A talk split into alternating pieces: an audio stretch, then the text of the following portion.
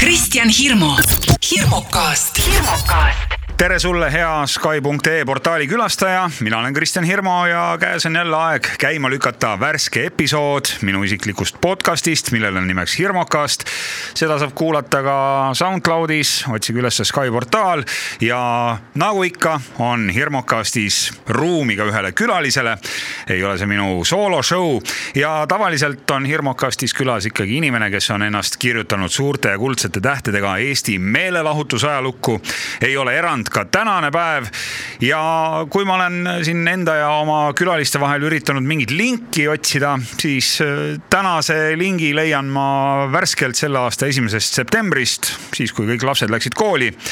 Läks kooli minu laps juba kolmandasse klassi ja ühes ja samas kohvikus tähistasime siis koos tänase külalisega uue kooliaasta algust.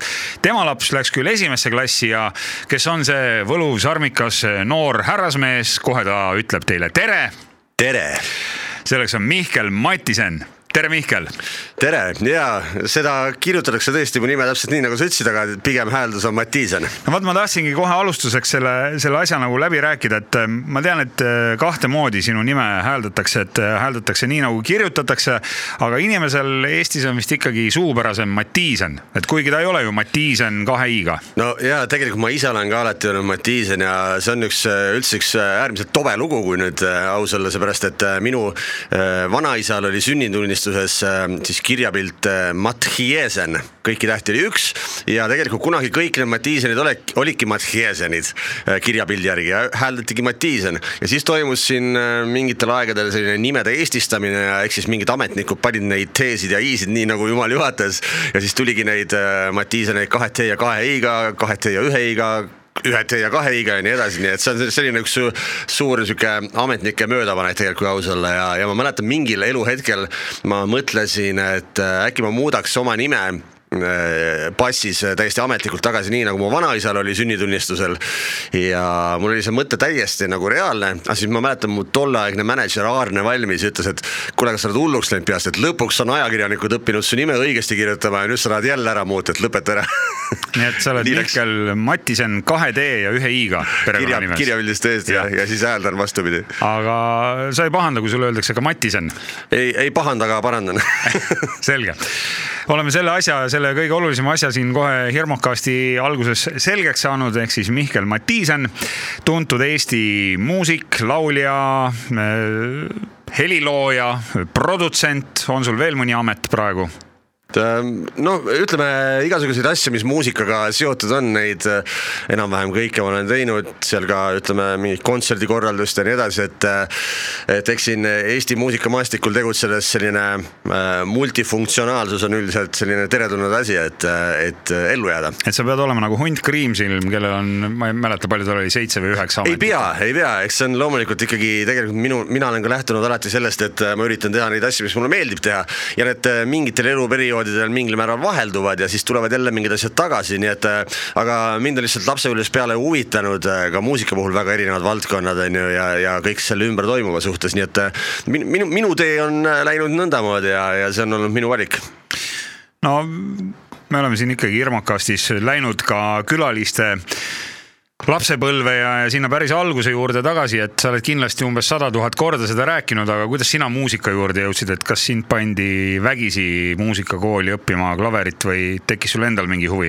no palju ma nüüd seda ise mäletan, kui vägisi või mitte vägisi see oli, et ähm, äh, selge on see, et ma olen muusika sees väiksest peale olnud, kuna mu äh, ka vanemad olid nii-öelda või noh, on siiamaani muusikaga seotud ja muusika on nende elu suur mis nad teevad olnud. siis? noh, praegu äh, isa on pensionär ja, ja ema veel töötab ajakirjas muusika, aga, aga nad on eluaeg tegutsenud, isa oli mul pikalt äh, Eesti Kontserdi direktor ja, ja No. no. kunagi isegi õpetas natuke klarnetit ja, ja ema on just ütleme ajalehes Sirp tegutsenud väga pikalt ja nii edasi, et noh mu,, muusikaga mõlemad olnud seotud ja, ja kogu nende tutvusringkond oli samuti muusikud ja ma mäletan noh, kuidas Eeri Klass mullegi siin rääkis veel mm, paar aastat enne oma surma, et tema ikka mäletab mind sellest ajast, kui ma olin ikka pisike väike jumbu ja istusin tal põlve peal ja, ja et ütleme, kõik need muusikute seltskonnad käisid meil külas, me käisime neil külas ja igal pool külas muusika ja, ja loomulikult äh, veeti mind ka juba tites peale, noh siis, kui ma enam ei karjunud liiga palju, et veeti ka kontsertidele pidevalt et see oli selline elu loomulik osa. ja siis ega ma seda nüüd ise ei mäleta, aga äh, olevat olnud nii, et mul ema oli Moskvas komandeeringus ja siis minu isa ja tema parim sõber, äh, tuntud dirigent Peeter Lilje. Äh, Peeter Lilje on kahjuks küll surnud, aga siis äh, omal ajal siis äh, nad olid koos teinud minule ja Peeter Lilje pojale mingeid neid äh, selliseid äh, harjutusi, et vaadata, kuidas meil selle muusikalise andega on ja leidsid, et äh, me oleme mõlemad andekad ja siis äh, pandi meid äh, lihtsalt sinna muusikakeskkooli katsetele ja saime sisse ja siis ema tuli komandeeringust tagasi ja isa ütles, et näed, poeg on nüüd kooli pandud no kui su perekonnas on nii pikad muusikalised traditsioonid olnud, siis oleks ka imelik, kui sa oleks läinud õppima, ma ei tea, ehitajaks või, või disleriks või No. no. treialiks. jah, ega jah ja ei, et ega ju ei pea minema nii-öelda sama valdkonda pidi, aga noh, tõenäoliselt ikkagi ju vanemad ju annavad oma lastele mingeid väärtuseid ja ja annavad ju mingi keskkonna, milles sa kasvad ja, ja siis äh, noh, ma võin äh, öelda jah, et, et mul on ilmselgelt ka näiteks ütleme muusikaalale annet, et see ei ole mingi hooplemine, et see ei ole ju minu enda teha, et see on äh, kompliment mu vanematele või pigem veel kuhugi kõrgemale on ju, et, et see on see, mis kaasa antakse, et, et ma usun, et iga inimene on mingil alal ju andekas ja siis ta peab lihtsalt leidma selle äh, ala üles, et sellel tegutseda, nii et mul lihtsalt, ma arvan, vedas, et ma juba sain selle varakult teada, olles selles ringkonnas sees. tõsi küll, ma mäletan, et see oli üheteistkümnendas klassis umbes, kus ma mõtlesin pikalt, et kas ma keskkooli lõpetades äh, äh, jätkan muusikaga või äh, võtaks aasta aega iseseisvat õppimisaega ja siis ast- astuks äh, õigusteaduskonda hoopis, nii et äh, sellised mõtted käisid mul äh, mingil perioodil äh, päris tõsiselt läbi, et aga eks vist äh, mingis vanuses kõik nagu otsivad ennast uuesti ja mõtlevad ümber asju. kas oma lapsepõlvest äh, mäletad konkreetselt ka mingeid hetki, et ma ei tea, oli see, oli see mingi plaat või oli see mingi kontsert või oli see mingi laul, mis jättis sulle nagu nii sügava mulje ja mälestuse, et, et noh, sellega sa sõidad kuni surmani välja? no ma ei tea, minul oli näiteks äh, ka kadunud Tarmo Pihlapi versioon laulust Älis, et, et kui ma olin väike poiss, siis ma tean, et kui see raadios tuli, siis ma läksin, keerasin alati volüümi peale, et mulle, kui see, see lugu nagu töötas hästi, et on sul ka mõni selline? et sa justkui nagu tundsid, et see on lugu, mida sa kuulad elu lõpuni no vot, ma ei tea jah, ja ega kui see laul täna ka kuskilt kõlab, siis ma teda ära ei keera, aga, aga on sul ka mõni selline moment või kõks, et mida sa, ma ei tea, siiamaani mäletad? nii eredalt ma ei oska nüüd ühtegi lugu välja tu- tuua, aga ütleme, omad lemmikud on loomulikult mul kogu aeg olnud. et äh, ma arvan, kõikidel on. mida ma küll äh, hiljuti avastasin, oli mul ema oli sobranud äh, seal oma asjades ja siis tõi mulle ühe kastitäie asju, kus olid siis minu lapsepõlvest mingid äh, dokumendid ja nii edasi ja ühtlasi oli lasteaia, lasteaia lõpetamise puhul vaata lapsed täidavad sellise ankeedi, et mida nad tahavad tulevikus teha ja nii edasi ja ja seal oli ma küll kirjutanud, et ma tahan lauljaks saada, ma ise ei mäletanud sellest midagi. et ma mäletan, mingi periood ma tahtsin saada Ameerika presidendiks ja mingi periood tahtsin saada maffiabossiks. no päris aga... huvitav valik ju. jah. et sellel ajal, kui enamik poisse tahtis saada kraanajuhiks või kosmonaudiks, tahtsid sina saada Ameerika presidendiks. aga, aga et jah, sellist konkreetset laulu ma ei mäleta, et äh, kuidagi on see lihtsalt läinud ja, ja mis puudutab, ütleme muusika puhul, siis mul seda sellist nostalgitsemist ei ole tegelikult tänase päevani eriti kuskil, et vaat see lugu nüüd mul oli lapsest peale, et nüüd ma seda jäängi kuulama, kuidagi minu jaoks on see kõik nii pidevas liikumises ja loomulikult on muusikaajaloos palju head, mida ma kuulan hea meelega uuesti ja uuesti, aga, aga mind huvitab ka väga see, mis tänapäeval kogu aeg juurde tuleb ja, ja ma ei ole kuskil nagu kinni, kinni mingis muus ajas või mingis muus äh, žanris. aga see muusikutöö, lauljatöö, pillimehe töö, et, et kas see on ikkagi tegelikult nagu päris päris töö ka, sellepärast et selle töö tulemusena me ei näe ju maju kerkimas, me ei näe, ma ei tea, neljarealist Tallinn-Tartu maanteed valmimas. et see kõik ju kaob kuhugi õhku, et, et siin võiks ju pikalt-laialt filosofeerida, et, et kas seda tööd või seda ametit üldse on vaja eks see on, see ei ole kindlasti minu öelda, et see on äh, nende inimeste öelda, kes äh, siis äh, mind kuulavad või siis ei kuula. sama hästi võime küsida, kas on vaja sind siia saadet tegema, et see on ju, ongi selline küsimus, ma arvan, et tegelikult ikka on vaja. ja samamoodi nagu sina tahtsid, et Tarmo Pihlap laulab Alice'it, siis jälle mõni inimene tahab, et, et ta võib-olla kuulab mingit lugu, mis ma olen teinud või mis iganes. et ega see muusika ja, ja üldse kultuuri ja, ja, ja raadiosaadet teha, mille vastu käib ju huvi alati, et, et see on normaalne, et jah, ta ei ole selles mõttes tavapärane töö. ja et tõesti, me ei ehita maju, aga kõik ei saagi maju ehitada ja. keegi peab ka laule ehitama keegi peab ka laule ehitama, et äh, kui ta seda soovib teha, et põhiline ongi see, et inimesed teevad seda, mida nad tahavad teha ja et see kedagi ka huvitab ja et see tuleks neil äh, hästi välja, nii et ma loodan, et, et muusikute tööd ikka inimestel on vaja, jah no.. aga ma selle kordan küll ära, et jah, ma ei ole kunagi võtnud seda puhtalt tööna tõesti jah, et ta on ikkagi olnud juba varakust peale mul hobi. lihtsalt äh, selles mõttes nagu noh, kulunud selline lause on, et äh, olen õnnelik, et äh, saan oma hobiga nii-öelda elatist teenida, et aga nii see tõesti on, et. no seda on jah klassikud öelnud, et kui su hobi on ka su töö, et, et see on ju tegelikult kõige ideaalsem variant inimese puhul üldse. mida ma tahtsin veel küsida, et eks siin on ka muidugi nüüd roll sellel, et meil on olnud siin väga erinevad ajad ja tegelikult Eesti on ju siin ütleme, viimase saja aasta jooksul on elatud meil väga erinevat elu, on olnud erinevad riigikorrad ja erinevad poliitikad ja, ja meil ei ole sellist pikka ajalugu nagu ma ei tea, kuskil Inglismaal või Saksamaal või Prantsusmaal. et äh, kui sa kuuled teinekord, et mõni mõni vanem muusik, kes on nii-öelda siis juba oma elutee õhtusse jõudnud et noh, tal ei ole seda, ta ikka elab kuskil oma väikses Mustamäe korteris ja tead, vaatab, kuidas tuleb ots otsaga kokku, et kas see ei pane natukene natukene nagu mõtlema selle peale, et, et äkki peaks ikkagi mingi päris amet ka olema, nagu sa siin mainisid juba, et, et õigusteadus või midagi. jah, selles mõttes on kindlasti sul õigus, et äh, sellepärast hakata muusikaga tegelema, et rikkaks saada, on äh,. kui sa sellise otsuse teed, siis ei ole vist mõistus päris siiski korras, kuna see tõe, tõenäosus on ülimalt väike. et äh, tegelikult muusikaga sa hakkad ikkagi tegelema sellepärast, et see on see, mida sa väga armastad ja, ja tahad teha, on ju, nii et ähm, aga selles mõttes ma kordan, et jah, ma olen selles mõttes õnnelik, et ma olen saanud vähemasti siiamaani elada niimoodi, et äh, nii-öelda leiva olen saanud osta ainult tehes seda, mis äh, seostub muusikaga ja olen isegi saanud vorsti osta peale ja võib-olla ei ole pidanud ostma kõige odavamat vorsti, et selles mõttes, et ma olen saanud äh, hakkama. et äh, jah, et rikkusest on loomulikult asi kaugel, aga, aga ma pean juba seda äh, oluliseks, et ma saan niimoodi teha, et ma ei pea näiteks lisaks äh, päevasel ajal tegema mingit äh, tööd puhtalt raha pärast, et äh, jah, raha on kahtlemata oluline, aga, aga ma ei tahaks tõesti teha tööd nii, et ma lihtsalt muidu seda ei taha teha, aga, aga ma pean seda raha saama, kui vaja, siis loomulikult jah. Hirmukastis täna külas Mihkel Matiisen, nüüd ütlesin õigesti, mitte nagu podcast'i alguses. ja no sai juba korra mainitud, et sa oled ikkagi läbi ja lõhki muusikainimene ja sul on neid tahke on nii palju, et, et sa oled ju teinud igasugust tööd, sa oled olnud laval lauljana, sa oled äh, pianistina laval ka tänapäeval, eks ju, klassikalise pianistina annad yeah. kuskil mõne klaverikontserdi, siis sa oled laule kirjutanud, sa oled neid produtseerinud, sa oled ise muusikasündmusi korraldanud, et milline osa sulle nendest ametitest võib-olla kõige rohkem meeldib või, või on siin see, et, et iga laps on omamoodi armas? Põhimõtteliselt jah, see, mida sa just ütlesid, et äh, omamoodi armas ja, ja need tegelikult äh, äh, vahelduvad ka, et nagu ma enne vist korraks juba ütlesin, et ongi, et vahel äh, kipub nagu üks asi rohkem esile, vahel teine asi, et see vist sõltub ka natukene sellest, et mis kalendri sa oled endale pannud.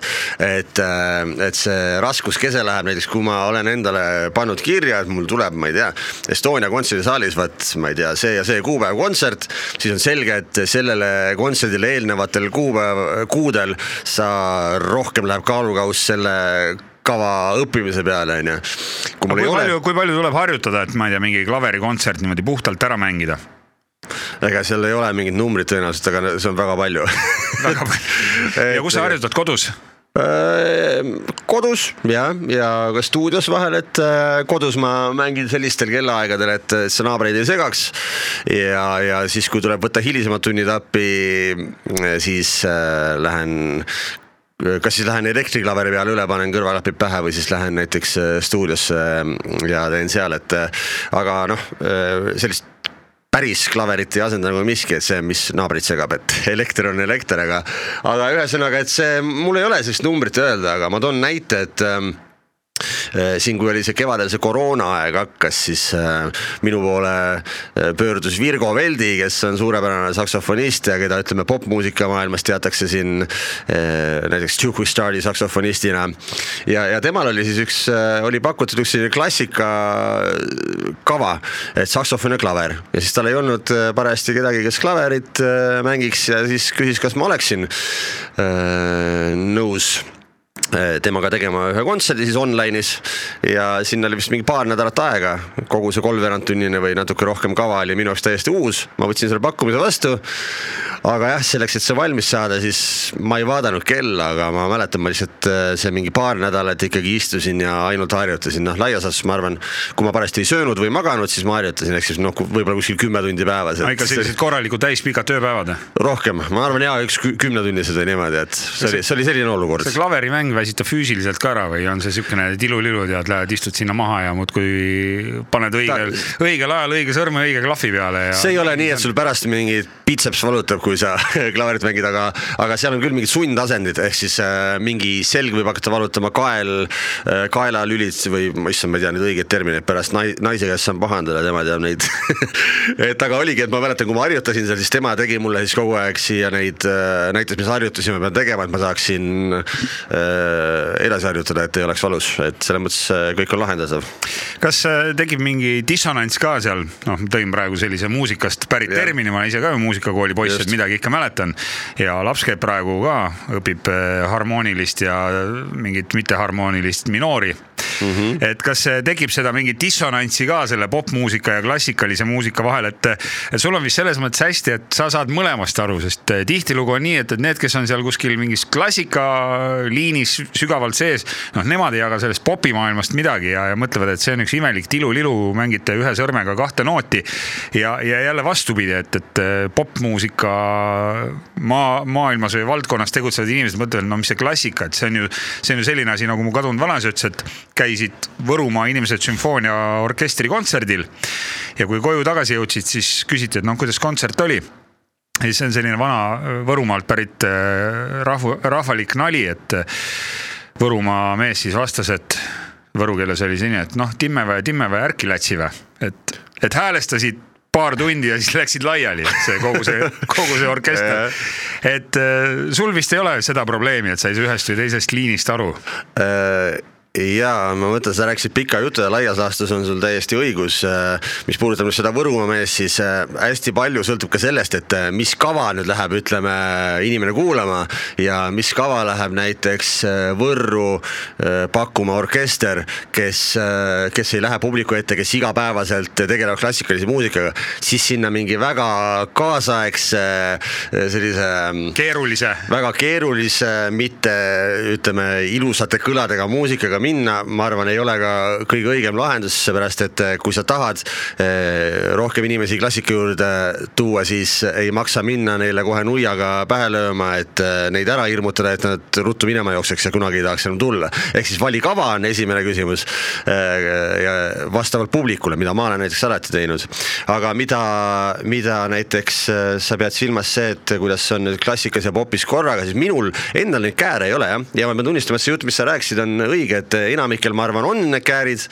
see ei pruugi olla taotluslikult, tähendab, mul on alati olnud see, et mind väiksest peale on huvitanud äh, hästi hästi äh, selline lai, kuidas ma nüüd ütlen, no ütleme kõik, mis on muusika, minu, minuks ei ole vahe, on see barokk või on see rokk, on ju.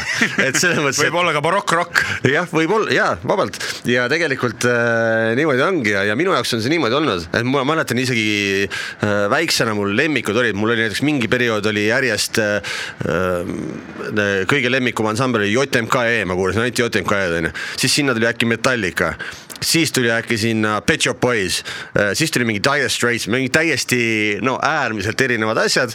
Ja muidugi see klassika juures, et ähm, ja eks seal on muidugi see ka, et, et eks see haridussüsteem on ka selline, kui sa õpid seal ütleme näiteks muusikakeskkoolis, siis äh, seal hoitakse ju ka seda popi nagu üsna kaugel sellest, et see, selle maailmaga sa seal nii väga kokku ei puutu. jumala eest selle popiga kokku ei puutuks. ma, ma ei, ma ei usunud seda ka, et ja ma usun, et eks see tänapäeval on kindlasti vähem niimoodi, et, et aga, aga et jah, et ja ma arvan vastupidi samamoodi, et kui sa seal, seal popimaailmas õpid, et siis seal võib-olla selle klassikaga ei, ei puututa nii palju kokku. Ja ega ei peagi noh, ma ütlen, et igal inimesel on omad valikud ja lihtsalt minu, minule isiklikult see sobib, et ma olen selles mõlemas asjas sees ja et ma tõesti loodan vähemasti, ma sellest mõlemast valdkonnast saan aru ja, ja mulle isiklikult see sobib ja meeldib ja ma saan kasutada mõlemast valdkonnast äh, asju. no aga ütle siis äh, hirmukasti kuulajale mõni nimi ka, et, et kui inimene tahaks nüüd nagu klassika klassika valdkonnas nii-öelda alustada või et keda, keda võiks kuulata, et kui ta loeb kuskilt äh, Eesti Kontserdi kavast, et mis meil täna siin mängukavas on, mingi Rahmaninov ja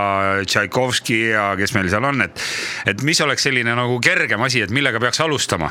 vaat kerge ei ole nüüd õige sõna, et ma ja selliseid soovitusi, selliseid soovitusi anda on äh, see on libe tee natukene või? üsna, üsna libe tee jah, et ma ei julgeks seda teha, sest äh, muusika on ju äärmiselt subjektiivne asi ja see, mis mulle võib tunduda äh, väga tore ja et mis inimestele võiks meeldida, siis see ei pruugi tegelikult nii olla, aga kui sa mainisid Rahmaninovi, mainisid Tšaikovskit, siis selline ilus äh, romantiline muusika, ma arvan, on kindlasti üks äh, hea valik jah, et mis, mis, et äh, mis kindlasti võib olla inimest, kes ei ole klassikaga kokku puutunud, äh, mis rohkem ära ehmatab, on mingid sellised väga kaasaegsed asjad, kus äh, äh, ütleme, need, kuidas nüüd selgitada lihtsate sõnadega, et need helid, mis seal omavahel koos kõlavad, äh, siis selle kõrva jaoks, mis pole harjunud sellist asja kuulama, ei kõla omavahel väga kaunilt. treenimata kõrva jaoks.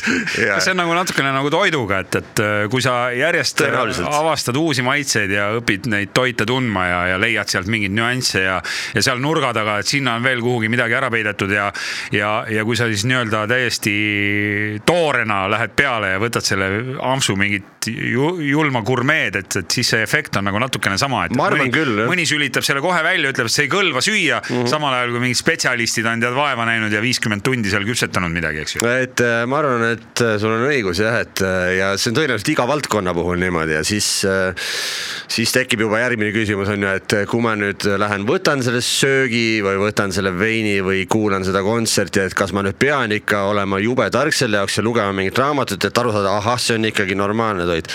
või siis on see, et ma võtan ampsu ja ma saan aru, et see on väga maitsev, onju.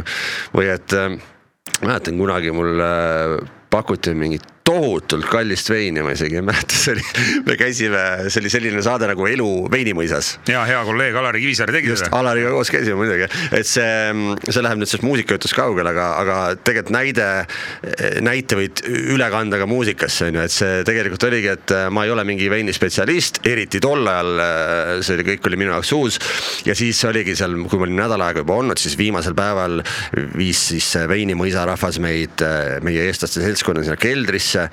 Neil umbes pisarad tulid silmist, nad võtsid mingi tohutu mingi, mida nad mitukümmend aastat on hoidnud, mingi punase veini pudel.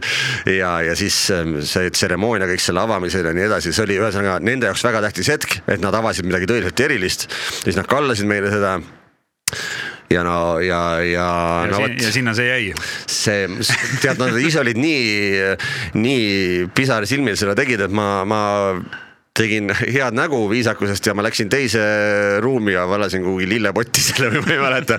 et aga no vot, et äh, tegelikult on ju kõikide aladega niimoodi, et, äh, et äh, nende jaoks võis olla väga hea vein ja minu jaoks mitte ja eks muusikas on sama asi, et inimene peab omad valikud tegema hirmukastis täna külas Mihkel Matiisen, tuntud pillimees, laulja, ansambli Jam üks alustaladest, aga ma arvan, et Jamist me täna väga palju ei räägi, sest eks sa sellest oled heietanud ka siin ja seal nende aastate jooksul. ainult seda tahtsin küsida, et kas saate endiselt tihti pakkumisi, et, et Jam võiks kuhugi esinema tulla suvepäevadele või pulmadesse või matustele või?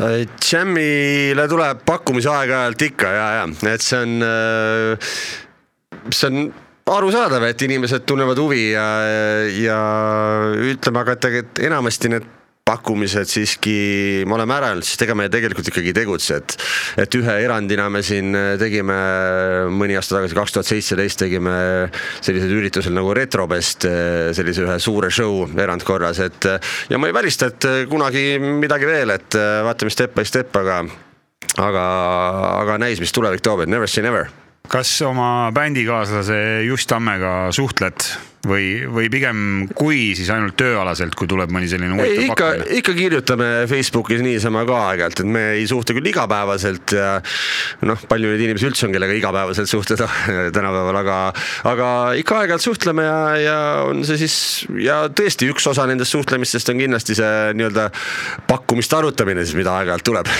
no aga igapäevaselt suhtled sa oma perega, kindlasti sa. juba korra mainisid eh, oma naist.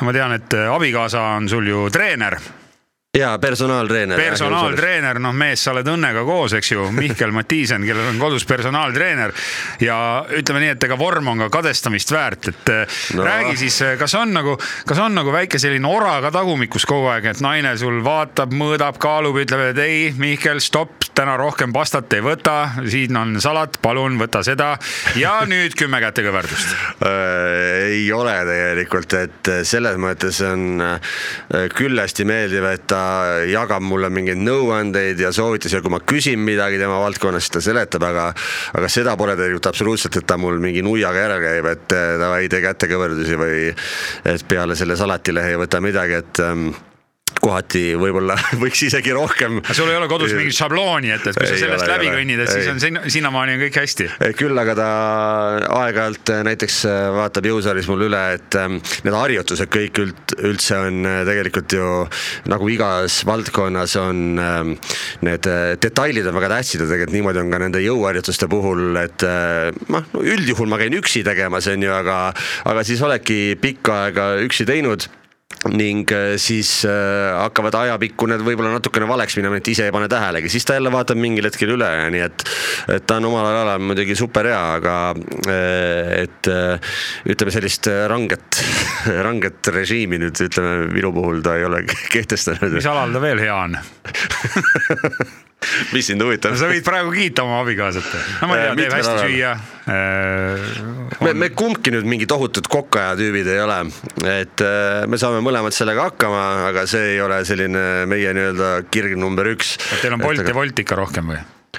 ka seda on jah, et äh, mitte kogu aeg, aga, aga teeme ise ja tellime ja käime väljas ja et, et seda, et niimoodi, et, et tahaks tundide kaupa iga päev köögis istuda, seda noh, vist, vist väga ei ole. kuidas sa oma naisega kokku said üldse? oma, oma praeguse abikaasaga?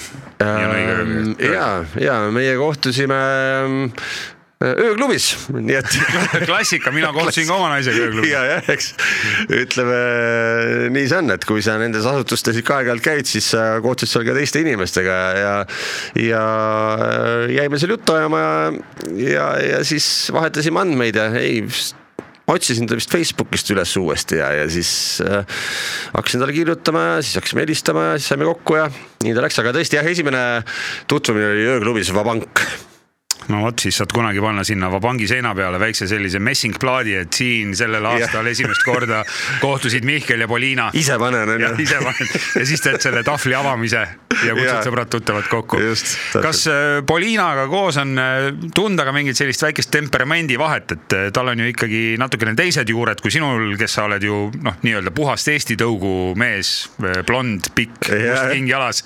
et kas, kas sa tunned aeg-ajalt, et on, on nagu mingi no vähe. ma, no ma olen tõenäoliselt, ma tõenäoliselt olen ise ka keskmisest äh, eestlasest äh, emotsionaalsem oluliselt, et äh, aga samas kindlasti on see vahe tunda jah, et ta on ikkagi, tal on ta on siis ütleme kolmveerand äh, vene rahvusest ja veerand äh, Ukraina rahvusest vist, kui ma need protsendid nüüd täppi panin või midagi sellist, et ta, aga teisest küljest on ta kogu aeg olnud äh, Eesti keskkonnas, ta on juba sõimest alates käinud Eesti lasteaias, nii et, et. ta on õppinud eestlasi tundma. Ta on ikka kõik sõbrad on eestlased ja nii edasi, et see on, et äh, ongi raske nii-öelda määratleda, aga loomulikult see temperament, temperament, mis kaasa sünnib, on ikka teine jah, see on täiesti normaalne. on ikka tülisid ka kodus aeg-ajalt ikka on ette tulnud loomulikult jah. sest ma olen, ma olen ka aru saanud, et need perekonnad, kus ei ole ühtegi tüli, et seal on, seal on nagu mingi ilge jama. et see ei saa nagu päriselt olla, et ühtegi tüli ei ole. vot ma ei ole niimoodi analüüsinud, et aga ma usun, et see on võib-olla võimalik. Aga ega ma ei tea, ma ei ole selle ala spetsialist üldse, et, aga kõik- ma arvan, et kõik on võimalik. no põhiline tülitalliks, mida ma tean, mis perekonnas võib tekkida, on see, et, et kelle juurde minnakse jõulude ajal, et kelle, kelle ema juurde minnakse, kuidas teie peres on, et, et kuidas, te, kuidas selle- oma jõule veedate? sellega ei ole olnud üldiselt probleemi, et äh, seal on see, et äh, noh, sellel jõul, jõuluvana, kui tuleb, et siis on see ikkagi, me oleme seal, kus on jõuluvana. Ehk siis äh, tavaliselt minu õe juures maal, kus siis äh, oleme ja siis äh, Poliina vanematega saab siis kas eelmisel või järgmisel päeval kohtuda või on käinud ka näiteks nii, et Poliina isa on olnud jõulude ajal seal meie pere koos, nii et äh, ja arvestades, et tema vanemad on vene rahvusest, ei ole see mm, nii väga nii väga teema, et Neil on jõulud natuke hiljem jah, ma ei teagi, jaa vist Jah. jaanuaris või? jah ja., siis, et äh, on hea, et saab kõiki neid suuri pühasid tähistada mitu korda. aga sul telefon on käepärast, Mihkel? on, on, mis viimane sõnum on, mis naine sulle saatis? saad vaadata, palun. hirmukastis on täna külas siis Mihkel Matiisen ja kohe saame teada, mis on viimane sõnum, mille saatis Mihkel Matiisenile tema abikaasa. kas kannatab ettelugemist? Ma arvan, kannatab, ta on saatnud mingi video, kus ta näitab mingit uut bluusi, mingit treeningbluus, kirjutab juurde. ma loen praegu esimest korda sinu koos No uus bluus, uued mustrid ja siis küsib, et kus sa liigud enne kella viiteist. ja siis meenutab, et mul on homme pediküür kell üksteist super, see on tõeliselt hea naine, kes tuletab sulle selliseid, selliseid asju meelde. Päris hirmukasti alguses mainisin, et kohtusin sinuga ju alles hiljaaegu, esimesel septembril ja saime kokku kohvikus, kus me tähistasime siis uue kooliaasta algust. Teie peres on siis nüüd esimene päris ehtne kooliaasta, eks ju? just nimelt jah, minu tütar Emilia läks siis äh, esimesse klassi ja kuidas siiamaani koolis läheb?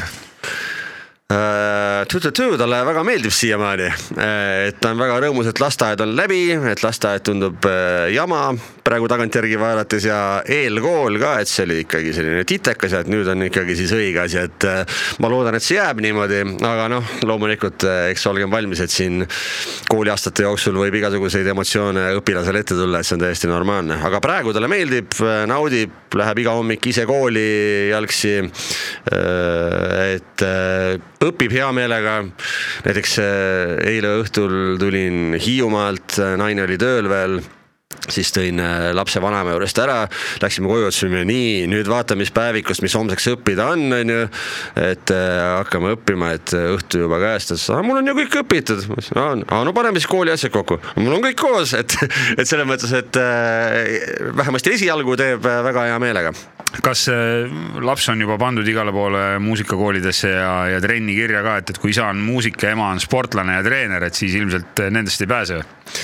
Ähm, me ei ole kunagi nii-öelda mõelnud, et me kumbki peaks oma ala talle peale suruma, aga praegu on läinud selles mõttes hästi, et mõlemad valdkonnad teda huvitavad. et, ähm, et jah, ta nüüd käib kergejõustikus kolm korda nädalas Erki Noole kergejõustikukoolis, see ei tähenda, et temast peaks professionaal saama, aga lihtsalt see on selline üldfüüsiline hea treening. ei no ikka olümpia tuleb eesmärgiks, alla, alla vähema ei ole mõtet nagu rahule jääda. ja äh, klaveritundides hakkas ta käima kuueaastaselt ehk siis äh, üks sügis tagasi. siis tuli kevadel see koroona peale, kõik äh, jäi katki nii-öelda ja nüüd siis hakkas uuesti klaveritunnis käima, et äh, algas see uuesti pihta, et praegu on siis niimoodi, et kui eelmine sügis ta käis kaks korda nädalas klaveritunnis, siis praegu käib üks kord nädalas, et proovime nii, et äkki teine kord nädalas ma saan ise teda õpetada, sest äh, enne siin ütleme sellel eelmisel perioodil enne koroonat, siis äh, oligi see põhiprobleem, et klaveritunnis talle väga meeldis käia, tal on suurepärane õpetaja, aga kus tekkisid probleemid, olid see, et ähm, noh, ma ju ise tean väga hästi, et põhiline töö tehakse ikkagi ära kodus ehk siis kui sa käid ainult klaveritunnis äh, ja vahepeal ei mängi, ei õpi, siis ei ole sellest noh, just väga palju kasu.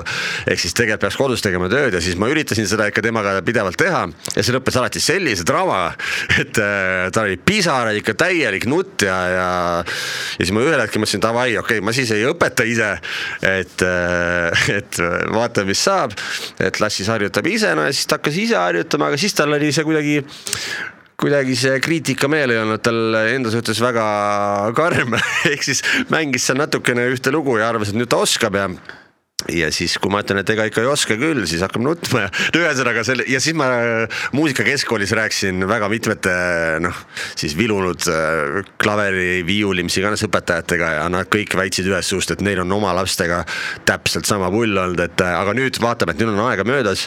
ma proovin teda jälle vaikselt hakata ise ka õpetama lisaks, et äh, näis, kas tuleb välja. no võiks ju mõelda jah, et, et kui isa, isa on pianist, et milleks siis veel raha kulutada klaveritundidele, et võiks ise õpetada, aga ma võin siit tuua kohe hea paralleeli. mina üritasin kunagi oma last õpetada suusatama mm -hmm. Otepääl väiksel Munamäel ja see lõppes samamoodi katastroofiga, kuni selle hetkeni, kui tuli hea sõber, kes ütles, et kuule, et lõpeta nüüd see pull ära, et, et anna, anna laps instruktori kätte. ja, ja see, see töötab, et kui lapsevanem ise hakkab midagi õpetama, see algab sellega, et lapsevanem läheb närvi ja, ja lõpuks laps suuda ja, ja midagi selgeks ei saa. ehk võib-olla ongi lihtsalt nii, et võib-olla laps tahabki, et me oleme neile isad. Just. Aga kas laps on selline ka, et ta keerab vanemad ümber sõrme ja saab seda, mida tahab või, või kuidas teil selle kasvatusega on? Äh, ma arvan, et pigem mitte, et äh, ma tahaks loeta, et suht äh, normaalses tasakaalus on meil see asi, et ega ma ei oska öelda, iga perekond on ju erinev ja, ja eks see sõrme ümber keeramise, et noh, kus see nii-öelda piir on, see, see on ka selline kohati võib-olla raskesti määratletav, et aga ma pigem arvan, et me teeme suhteliselt normaalseid kokkuleppeid ja päris tema pilli järgi ei tantsi ja et mingid magusasjad suudame enam-vähem kontrolli all hoida ja ma ei tea, mis seal kõik. aga mingi viimane mänguasi, millega lahkusite poest, meenub? et enne siit välja ei lähe, kui see on ostetud um,? sellega on ka niimoodi, et pigem äh, võtame nagu hästi rahulikult neid äh, mängu, loomulikult iga kord ta poes käies tahab mingit asja, aga äh, selle jaoks peaks ühel hetkel olema mingi palee, kuhu kõik need ära mahuks, et. ja panga, ja pangaarve, eks ju. ja pangaarve samuti, et see on absurd, milliseid summasid küsitakse mänguasjades, sul mingi suvaline plastmass junn, mis maksab kuuskümmend eurot, et kohati on sellest isegi võimatu aru saada ja sa vaatad seda hinnasilti ikka mitu korda uuesti, et kas, kas ma kujutasin ühte nulli seal otsas ette või mitte aga et me oleme üritanud teha niimoodi, et ikkagi hoiaks tuba ikkagi enam-vähem korras, et pidevalt ka mänguasju sorteerib, et mingid mänguasjad, millega ta pole juba tükk aega mänginud, et need ikkagi annaks ära teistele lastele, kellel võib-olla pole võimalik mänguasju osta. Äh, et neile rõõmu teha, mingid mänguasjad, mille jaoks ta liiga vanaks on saanud ja nii edasi, et, et selliste mänguasjade kuhja me kindlasti ei tekita ja, ja tundub, et siiani ta enam-vähem saab sellest ilusti aru ja võib-olla ta alati ei ole sellega sada protsenti nõus, aga, aga, aga ta mõistab ikkagi. no kodus võtab sul ruumi klav klaver ka kindlasti, et äh, sul ja. on ju, kas sul, sul oli see tiibklaver kodus? ja, ta ei ole nüüd ütleme selline kontsertklaver, mis nüüd on kõige suurem siis mis on, ütleme siis, ma ei tea, näiteks Estonia kontsertsaali laval, aga ta on sellest siis natukene väiksem, ehk siis järgmine suurus, nimetatakse seda kabinetklaver, jah. selle, selle jaoks on sul kohe omaette klaverituba või, või ja. seisab ta sul kuskil keset elutuba? ei, mul on selle jaoks äh, eraldi tuba, kus mul on siis ka ütleme, muud muusika tegemisega seotud äh, vidinad igasugused, et aga jah, klaver, klaver hõlmab sellest toast äh, põhiosa. kas sa mängid peale klaverit veel mingit instrumenti? Ei, äh, põhimõtteliselt ikkagi ainult neid asju, millel on klahvid. Mustad ja valged. Ja, jah, et ütleme, kuna, äh, kuna ma olen olnud äh, ikkagi selle klassikalise koolkonnaga siis need klassikalised klaveriõpingud on sellised, et noh, sa pead jube palju harjutama, on ju, ehk siis kui muusikakeskkoolis käisid, sul on ju kõik need samad õppeained, mis meil kõigil koolis, mida pead nagunii tegema, füüsikat, matemaatikat, mida iganes, on ju. Eesti keel, ajalugu. noh, loomulikult, nagu meil kõigil. ja siis lisaks hakkavad sul kõik muusikaained. Äh, lisaks siis on ju erialatunnid, mis on klaver äh, ning lisaks on siis see, et sa pead kodus ju tegema kõiki üldaineid äh, õppimist nagu tavakoolides. aga siis, mis võtab veel rohkem aega, on ju, sa pead kodus harjutama klaverit, ehk siis ja, ja see on ikka tunde ja tunde ja tunde iga päev, et see on tavaline asi, et sa aknast vaatad, kuidas teised õues mängivad palli ja ise seal midagi ei ole teha, istud klaveri taga. ja mida vanemaks koolis saad, seda rohkem neid tunde tuleb, et seal mingit limiiti ei ole, nii palju mängid nagu jaksad, ehk siis sealt kõrvalt mingit teist pilli õppida on väga raske. aga kas sa praegu ka näiteks kodus, ma ei tea, kujutame ette, et on pühapäeva hommik pere veel magab Jah. aga siis läheb isa, istub äh, sinna klaverituppa palja torsoga nagu, nagu see härra Gray sealt äh, filmist äh, Viiskümmend halli varjundit, istub sinna klaveri taha ja hakkab mängima mingit sullist meloodiat ja siis ülejäänud pere ärkab, et kas sa niisama oma lõbuks ka mängid või, või see on Ütleme- ikkagi ainult töö? kui sa räägid nüüd pühapäeva hommikust ja pere magab, ilmselgelt magan ka mina, sest äh, ega muusikuna, kui sa oled terve elu elanud üsna selliste äh, imelike kellaaegade järgi, mis vahelduvad igatepidi, siis äh, praegu niigi on ju see, et esimese klassi õpilasega meil terve pere ärkab iga hommik umbes kell seitse argipäeviti. Ehk siis äh, pühapäeval ma kindlasti enne, kui teised ärkavad, ma kindlasti ei ärka, nii et äh, ja mis puudutab seda klaveri mängimist, siis ähm, no ütleme nii oma lõbuks. mingis mõttes ikkagi küll jah, aga tegelikult äh, vist nagu samas päris ikkagi mitte, sest äh, sealt ikkagi, kui ma midagi näiteks ka improviseerima hakkan, siis mul on alati seal äh, nii-öelda kukla taga see lootus, et sellest tekib äh, mingi uue loo mõte või saab sealt mingi uue teema või mis iganes, et, et aga kuidas sa seda teed siis, kas sa paned samal ajal salvestama mingi seadme või sa lihtsalt istud sinna klaveri taha ja tavaliselt ja sul- alguses ma ei pane. sul jääb midagi seal nii-öelda jääb, jääb seal luupima või repeat ima või mingi, tekib mingi motiiv, et, et kuidas see, kuidas see laulu kirjutamine käib üldse tänapäeval? seal ei ole ka mitte mingit reeglit, et äh, kui nüüd laulu kirjutamist rääkida, üks variant ongi, et sa lähed näiteks klaveri taha ja hakkad tegema. teine variant on, et äh, noh, ütleme siis popmuusikat puudutab, siis päris palju tehakse koos kirjutamist äh, tänapäeval on ju. Lähedki näiteks stuudiosse, hakata koos mõtlema ähm, vahel on niimoodi näiteks, et keegi teine on näiteks juba teinud mingit production'it loole ja mingil määral, et on mingi nii-öelda alge olemas, siis sa hakkad mõtlema sinna mingit viisi asja, mingit sõnade asja, siis teete nagu näiteks seda produktsiooni edasi. et äh, ma näiteks ma toon näite, me nüüd siin hiljuti hakkasime Tanjaga kirjutama ühte lugu.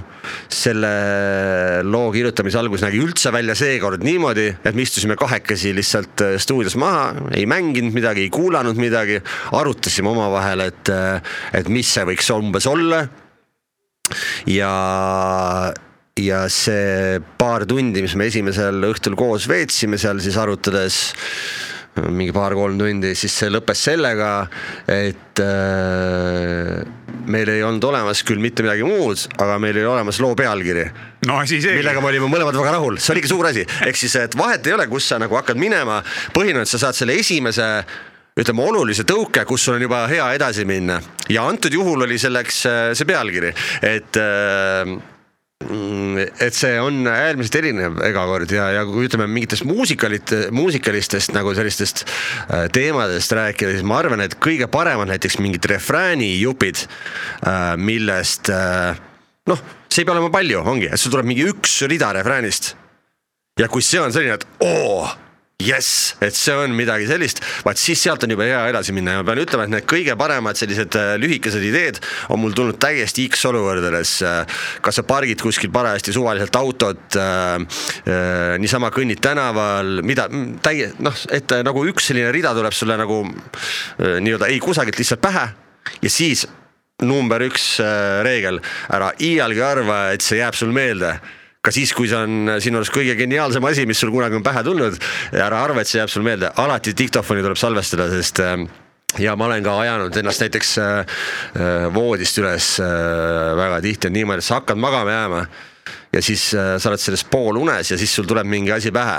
Ja no ja, ja sa muidugi alguses mõtlesid, aa, kuule, päris hea, hommikul siis tegelen sellega edasi ja siis on, kui sa oled umbes sada korda saanud aru, et hommikul pole sellest midagi järel, siis on nüüd niimoodi, et kui mul jälle tuleb midagi, siis ma no ajan lihtsalt ennast sealt voodist äh, püsti, koperdan, koperdan läbi une oma tuppa ja laulan diktofoni sisse ja siis, sest ma tean, et see ei ole järgmine päev meeles, nii et äh, need olukorrad on äh, väga erinevad ja erinevate lugude puhul ja nii edasi, nii et äh, seal pole mingit kindlat reeglit. aga kas muusikat saab teha ka siis nii, et noh, a la jälle toome selle toidu paralleeli, et sul on retsept ees, eks ju, kilo liha, viissada grammi porgandit, sinna pane sibulat, küüslauku, soolapipart. et kas muusika tegemisel võib ka nii-öelda võtta mingi retsepti ette ja hakata lihtsalt minema järjest? noh, sa tead, on mingid harmooniad, mingid järgnemised, mingid, mingid elemendid, salm, refrään, salm, refrään, vahemäng no,, soolo, jälle refrään.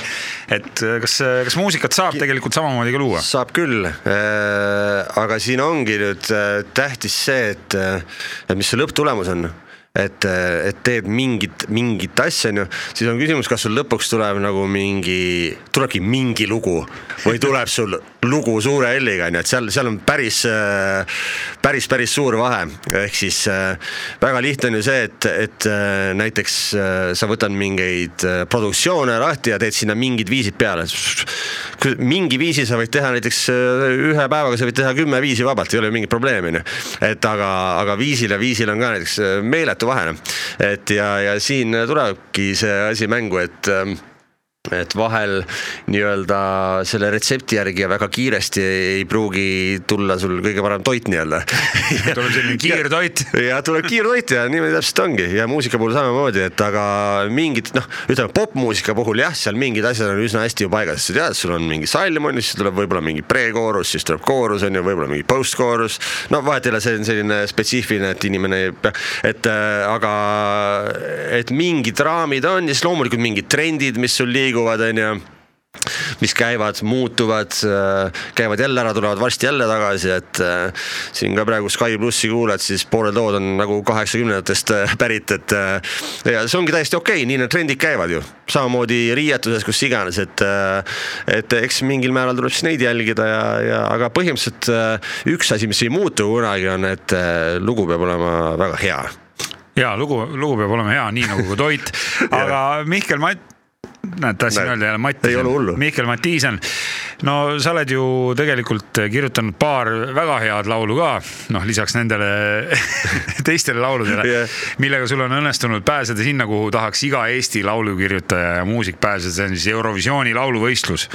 ja viimati oli ju sinu, sinu, sinu nii-öelda kaasalöömisel valminud lugu Elina Netšajeva La Forza, mis käis Eurovisioonil. ja seal oli siis. selle te kirjutasite ka mingi kamba peale või? selle me tegime niimoodi, et muusika poole tegime kahekesi Timo Vent ja mina ja siis äh, Timo Vent on siis inimene, kellega koos me oleme ka ansambel Swinger siis, kus tema mängib viiulit, saksofoni ja, ja meil on üldse olnud pikaajaline koostöö omavahel, et äh, kunagi võtsin mina tema ansamblisse džämm saksofoni mängima ja sealt alates me oleme koos tegutsenud ja stuudios produtseerime siiani koos. ja mis La Forzat puudutab, siis meie tegime muusika poole ja, ja sõnad tegi sinna Elina ise koos ühe mm, teise naisterahvaga, kelle nimeks Xenia ja noh, kuna ma ei tea, ma ise itaalia keelt ei oska, siis äh, aga see nägemus oli meil olemas, et see lugu võiks olla itaalia keeles kindlasti ja kuna Elina ise oskab, siis äh, tema tegi. aga kust see idee üldse tuli, et, et kirjutada lugu, kas, kas teil oli nii-öelda kõigepealt oli olemas Elina Netšajeva või kõigepealt tuli see lugu ja siis te hakkasite otsima, et, et kellele seda lugu sobitada, et mis pidi see tuli? selle antud loo puhul oli niimoodi, et äh, ma mäletan, oli siis, mis aasta see oli, kaks tuhat seitseteist, äh, oli suvi kaks tuhat seitseteist, äh, kus me äh, käisime Swingersiga esinemas mingil üritusel. Ja enne meid esines samal üritusel siis Elina Netšajeva ja meie lava tagant kuulasime, et ahah et kihvtilt laulab ja, ja hakkasime arutama, kas temaga võiks midagi teha ja kohe meil hakkas Timoga see nii-öelda kontseptsioon seal lavataguses arutluses jooksma hästi lihtsalt kuidagi klikkis kõik paika, et meie nägemus ja siis äh, Elina tuli lavalt, siis hakkasime temaga rääkima sellel teemal. ja et kas talle võiks midagi taolist huvi pakkuda, et saaks stuudios kokku. ja, ja nii see läks ja siis me saime stuudios kokku ja mõtlesime, et hakkame koos tegema ja sellele järgnes siis, me hakkasime Timoga tegema muusikat ja siiski just mõeldes äh, Elinale et meil äh, mõtlesime selle kontseptsiooni ja, ja loomulikult see meloodia sai kahtlemata mõeldud äh, välja niimoodi, et just mõeldes Elinale, sest äh, see on sellise hästi suure ulatusega meloodia, mis salvestab täpselt siis Elina kõige madalamaid noote, mis tal, mis tal tulevad ja siis kõige kõrgemaid. noh, seal veel üleval natuke ruumi on, et aga see on selline hästi lai äh, spekter, et, et enamik, enamik kindlasti ei suudaks seda laulda, et äh, selles mõttes see konkreetne asi sai tehtud äh, puhtalt ikkagi jah, arvestades artisti. kõigepealt tuli olemas artist ja siis tekkis see idee teha selline lugu. just, täpselt.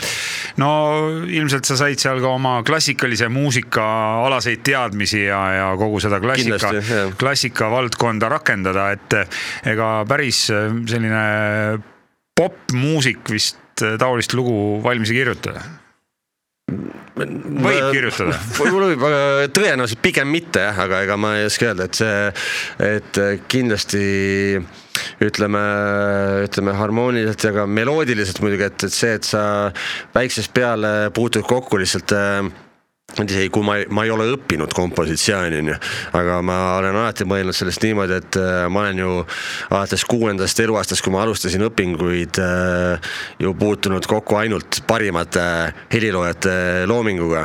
ehk siis heliloojad, kelle muusika on vastu pidanud aastasadu ja lihtsalt ja ma pidevalt ikkagi sellest, ma uurin nende lugusid väga põhjalikult, ma ju tegelikult noh, nad ei ole mind isiklikult õpetanud, aga nende lugudest ma olen väga palju õppinud ja kuidas meloodiat arendada ja üldse, kuidas äh, no ühesõnaga ei maksa spetsiifiliseks minna, aga et selles mõttes kindlasti ütleme taolise äh, loo puhul nagu näiteks La Forza, siis kindlasti see klassikalise muusika pool on olnud ülioluline ja ka Timol, kellega koos me seda tegime, et ka, ka temal ei ole klassikaline muusika võõras, nii et, äh, et ma arvan, et päris niimoodi puhtalt popi, popi inimesel võib-olla oleks sellist asja keeruline teha.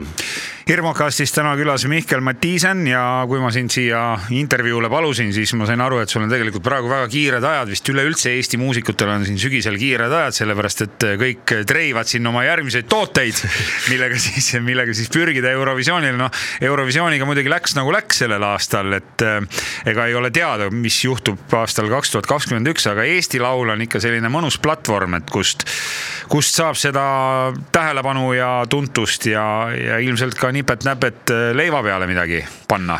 No, no leiva peale sealt ei saa eriti midagi, sa ikka annad oma leivast ikka väga palju ära ah, no aga kui, aga kui õnnestub võita see Eesti Laul ja pääseda Eurovisioonile, et siis, siis saad ju... enam-vähem hakkama võib-olla. kas tuleb nulli omadega või? see sõltub, kui suuri kulutusi sa oled teinud, näiteks mis puudutab La Forzat, siis me tegime päris suuri kulutusi. Ma siiamaani meenutan. siiamaani maksad midagi meenutan hea sõnaga Are Altrajat, kes kes tuli meile appi ja tema ettevõtted sponsoreerisid ka Elina etteastet Eesti Laulul päris suurte rahadega, et sellest oli hästi palju kasu. ja et need summad tegelikult, mis sinna on võimalik panna, on väga suured. et seda taaskord, kui ma kunagi siin saate alguse poole ütlesin, et hakata muusikuks sellepärast, et saada rikkaks, on ajuvaba tegevus ja minna Eesti Laulule selleks, et saada rikkaks, on äh, veel ajuvabam tegevus, sest pigem on see, et äh, pigem sa pead arvestama väga suurte kuludega, ehk kui sa tahad korralikult asja teha ja et aga see on tõsi, et see on äh, platvorm, kus sa saad ennast äh, näidata kus sind, kus sa tead, et on tõesti palju televaatajaid. et sul on, kui sa tuled näiteks mingi uue asjaga, siis Eestis paremat kohta ju ennast nii-öelda näidata ei ole.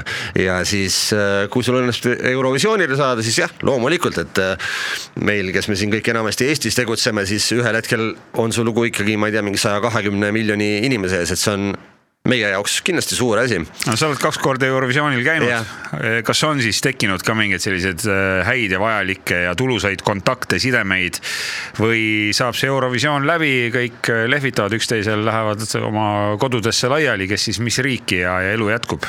Äh, tutvusi ja kontakte on nagu tekkinud küll, aga mingis mõttes ongi see ka sinu see teine jutupool õige, et, et seal kohapeal ikka noh, sa oled kaks nädalat on äh, kõik need inimesed siis, kes on asjaga seotud, on seal Eurovisioonil kohapeal ja seal ikkagi te tekib nagu sihuke teine feeling ja sa oled kogu selle asja sees ja siis seal kohtud inimestega üritustel ja oo, võiks kunagi midagi koos teha, jess, pumm-pumm.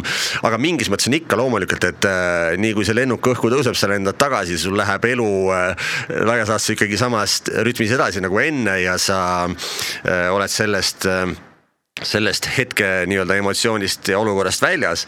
et aga seda kindlasti, et minu arust äh, alati tasub Eurovisioonil käies tutvuda seal teiste riikide inimestega ja kontakte luua, et äh, mm, isegi kui sul kohe näiteks mingit ühist koostööd ei teki, sul on vähemalt tekib mingeid äh, inimesi, keda sa tead keda sa tunned ja, ja kellega sa saad kasvõi seal huvitavaid asju arutada ja, ja miks mitte, miks mitte äkki ka kunagi midagi koos teha, nii et äh, neid kontakte ikkagi on tekkinud jah. aga kellega sa praegu siis Eesti Laulul koos töötad, et kas on mõni päris uus artist või on, või on keegi selline, keda me teame? Ehm, ma, vaat ma äh, kahjuks seda veel ei, ei saa öelda, nii et, et äh, Tomi Rahula pöördus minu poole ka sooviga, et, et kas ma ei tahaks olla seal eelžüriis Äh, ehk siis valida sinna neid finaliste ja ma ütlesin, ma kahjuks praegu ei saa jah öelda, seepärast et ma veel ei tea, kas ma osalen või ei osale. Äh, ütleme siis niimoodi, et äh, plaan on osaleda kellega seda ei ütle, aga, ja see on niimoodi, et, et osaleme ainult siis, kui me tunneme, et on noh lõpptulemus on õnnestunud, ütleme nii, et kui ise oleme rahul, et kui ei ole rahul, siis ei tahaks osalema saata et.... ei hakka maailma reostama selle no, selle tootega. kas just reostama, aga, aga tõesti see seal võistlusel osalemine, sinna läheb päris kõvasti energiat ja, ja raha ja kõike, et ja noh, pole, pole vaja, kui ei ole rahul, nii et aga loodame, et osaleme ja kui ei osale, siis äkki saab teisi osalejaid hinnata aga kellega tahaksid Eestis koostööd teha või ma ei tea, mõtleme suurelt, globaalselt või, või on olnud mingi mõte, et ai pagan, noh, ma ei tea, et Villu Tammega tahaks ikka teha koos ära mingi loo? otseselt ma ei oska nii öelda, et Eestis ma olen hästi paljude inimestega koostööd teinud ühel või teisel kujul, et see on äh, kuidagi normaalne, et sa Äh, noh, väike riik nagu meil on ja ega see muusikute ringkond nii väga suur ei ole, et äh, ikka sa puutud paljudega kokku ja teed koostööd, aga noh, maailma mastaabis, ei no väga paljudega võiks koostööd teha. et kui me räägime nendest nimedest, keda me kõik teame, siis äh, inimesed, kes on üle maailma tuntuks saanud, siis tavaliselt ega nad niimoodi pulli pärast ikkagi tuntuks ei saa, nad teevad ikkagi midagi hästi, väga hästi, et äh, tuntuks saada ja, ja ma arvan, et äh, neid muusikuid, kellega tahaks teha, on äh, tohutult palju. tõenäoliselt äh, need nimed, mis mul esimesena pähe tulevad, ei ole äh, raadiokuulaja jaoks. Äh, ei ole sellised laia tarbe nimed? jah, need on pigem need mehed võib-olla, kes istuvad stuudios, et, et äh, ega ei peagi kuulaja neid teadma, aga esimesena jah, siin kui ma mõtlen mingid nimed, kes tulevad pähe, Max Martin või Shellback ja, ja nii edasi, mingi Dr Duke ja sellised. noh, need on kõik sellised produtsendid, laulukirjutajad, et need tulevad ja siis muidugi ja, ja lauljaid on väga palju, kellega tahaks teha, et ikka muidugi. aga Swinger siis äh, ei ole mõnda uut, uut liiget tulemas, et seal te ikkagi ka aeg-ajalt äh, vahetate neid ja on see mingi põhituumik ja, ja siis teil käivad Meil, seal. Swingersil on jah niimoodi, et justkui selle instrumentaalkoosseisu nimi sai alguse aegadel pandud äh, Swingers või siis äh, The Swingers ja siis. The Swingers, oleme täpsed. ja siis, äh, ja siis ongi siis tulevad featuring artistid. tõsi küll, meil on siin välja kujunenud äh, kolm artisti, kellega eelkõige Swingersit seostatakse, ongi siis Tanja ja Birgit ja Mikk. et aga me oleme teinud tegelikult hästi paljude lauljatega ja kindlasti ma ei arva, et tulevikus samuti ei võiks proovida mingeid igasuguseid koostöid erinevate Eesti lauljatega, et äh, kindlasti jah. Hirmukastis täna külas äh, Mihkel Matiisen, tuntud laulja, pianist, artist, produtsent, äh, bändimees, isa, abikaasa. on sul veel mõni hobi? Ma ei tea, aednik oled äkki kuskil rohenäpp, pistad midagi mulda. Nende. toidu valmistamisega ma sain aru, et, et sellega, sellega sul on nagu kehvasti. ei no ma saan hakkama, et aga ma seda päris oma hobiks ei saa nimetada. et äh, selles mõttes on võib-olla jah, natuke igav, et äh, nagu ma ütlesin, minu hobi ongi minu töö, nii et laias laastus mul kõik selle ümber käib. küll näiteks kevadel koroona ajal said mul täiesti uued oskused. Ähm, nimelt äh, läksime suvilasse Võsule, et olla natukenegi värske värskes õhus ja seal me olime ikka vist mitu nädalat ja, ja siis äh, sai minust äh, näiteks sauna kütsemismeister. ma ilusti seal lõpupoole juba panin ühe tikuga saunas äh, tule põlema kuigi alguses läks väga kaua aega nii et areng missugune ja enam-vähem iga õhtu sai ka grillitud näiteks, nii et äh, seda sai, oskust sai arendatud. grillmeister, murd, saunakütja. ja, ja, ja loomulikult puude lõhkumisoskused täienesid no inimesed ütlevad tihtilugu, et mul hobiks on reisimine, et, et praegu on reisimisega ka nii nagu ja. on, on nagu on, et, et väga palju. see on selline valus teema, eriti nüüd, kui koolivaheaeg hakkab, tahaks hirmsasti kuhugi minna, aga aga kui sul on valida, et kas minna suusareisile või rannapuhkusele, et siis kumma sa valid äh,? rannapuhkusele, et äh, ideaalses maailmas äh, tahaks käia ka suusapuhkustel, aga üldjuhul ma seda, ma olen vist ainult ühe korra tegelikult käinudki suusapuhkusel ja ongi, et see eelkõige põhjusel, et tihtipeale ongi see, et, et sa mõtled nüüd, et okei okay,, meil on siin külm talv, et äh, kas nüüd läheks suusatama kuhugi või tahaks sooja, sest kuidagi see soe alati võidab, et ja teine asi on see, et ma natukene, mulle meeldib äh, väga mäesuusatamine, aga ma siiski pean tunnistama, et ma natukene seda valdkonda kardan. jah, ma saan aru, et täna tänaval kõndides võib ka telliskivi pähe kukkuda loomulikult, aga minule kui pianistile minna nagu meelega nii-öelda õrritama seda, et sa võid kukkuda näiteks käeluu murda, siis äh, enamike inimeste jaoks ei ole see nagu suur probleem, sa saad hakkama, sul seal võib-olla see paar kuud paraneb, on ju, ja siis sul on jälle käsi nii-öelda töökorras. aga pianisti puhul, et see, mida sul peab suutma käsi teha seal klahvide peal, et ta ei pruugi sul kunagi äh, samamoodi tagasi kokku kasvada, et sa suudad äh, sellisel tehnilisel tasemel asju teha, nii et äh, seal on see koht, kus äh, natukene jah, hirm saab võitu kas su käed on kuidagi ekstra kindlustatud ka, on sul mingi eriline poliis? ei ole, ma olen kunagi isegi selle peale mõelnud, et huvitav, kas sellist asja peaks tegema, aga siis äh, ma ei ole isegi uurinud, aga ma eeldan äh, noh, või vähemasti arvan, et tõenäoliselt äh, need summad ei ole eriti tasakaalus, et jah, mingid välismaa artistid saavad seda teha, et neil need sissetulekud on lihtsalt niivõrd suured. aga ma kaldun arvama, et Eestis ma peaks sellele kindlustusfirmale maksma väga palju raha ja, ja vist need sissetulekud ei ole vastavad. ja siis pead ühel hetkel hakkama tegelema kindlustuspettusega ja, ja me ka ju ei tahaks. et siis ja, me loeme pärast uudistest, et hashtag trellid ja kõik need muud Just. asjad, eks ju Mihkel Matiisen, veel viimased küsimused. koduloom on, ei ole? ja üks äh, kääbustaks on äh,. koerainimene? koerainimene täiesti jah. on sul kass ka olnud kunagi?